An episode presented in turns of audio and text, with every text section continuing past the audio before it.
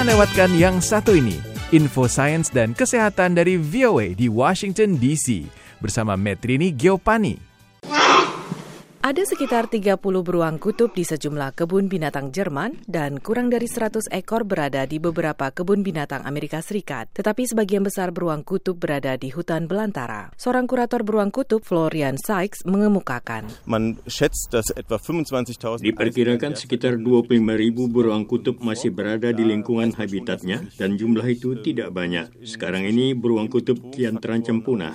Ancaman itu bukan hanya perubahan iklim yang terjadi di mana-mana yang tentu saja bisa menjurus pada melenyapnya sumber dasar kehidupan beruang kutub, yaitu es itu sendiri. Es di lautan Arktik di Kutub Utara berkurang dan mencair. Menurut beberapa laporan, berkisar 10 persen per dekade. Tanpa es, beruang tidak dapat berburu anjing laut yang menjadi makanan utamanya. George Donner dari Badan Survei Geologi Amerika Serikat menjelaskan. They have to capture at least one seal. Beruang kutub harus menangkap setidaknya seekor anjing laut tiap 5 hingga 10 hari. Itu hanya untuk mencapai kebutuhan makanan yang pas-pasan. Dan kalau tidak bisa berburu, beruang kutub akan menjadi kurus. Dan jika kehilangan berat badan, maka hal-hal lain akan muncul dan berdampak pada kesehatan beruang kutub, termasuk pada kemampuan bereproduksi dan juga lain sebagainya. Keadaan demikian membuat sebagian beruang kutub lebih berupaya untuk mencari makan ke tempat-tempat di mana manusia tinggal. Kejadian seperti itu menjadi begitu buruk di wilayah Novaya Zemlya, di Rusia pada Februari lalu sehingga pihak berwenang menyatakan keadaan darurat dalam penanganan beruang kutub. Perwakilan WWF Rusia Mikhail Stistov menjelaskan.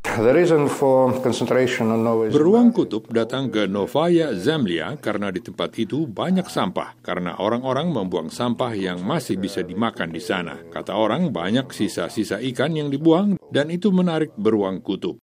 Sementara jumlah beruang kutub meningkat di beberapa tempat, di sejumlah tempat lainnya berkurang sekitar 40 persen. Sejumlah pakar iklim memperkirakan kutub utara akan mengalami musim panas tanpa es mulai tahun 2050. Jika hal itu terjadi, para pemerhati lingkungan yakin beruang kutub tidak akan bertahan hidup di alam bebas. Mikhail Stistov menjelaskan.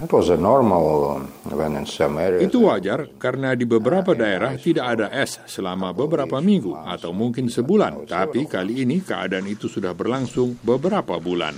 Yang mengkhawatirkan adalah satu-satunya cara untuk dapat melihat beruang kutub pada akhir abad ini nantinya hanya di kebun binatang. Saya Metrini Gopani, Voice of America, Washington DC. Direct from Washington,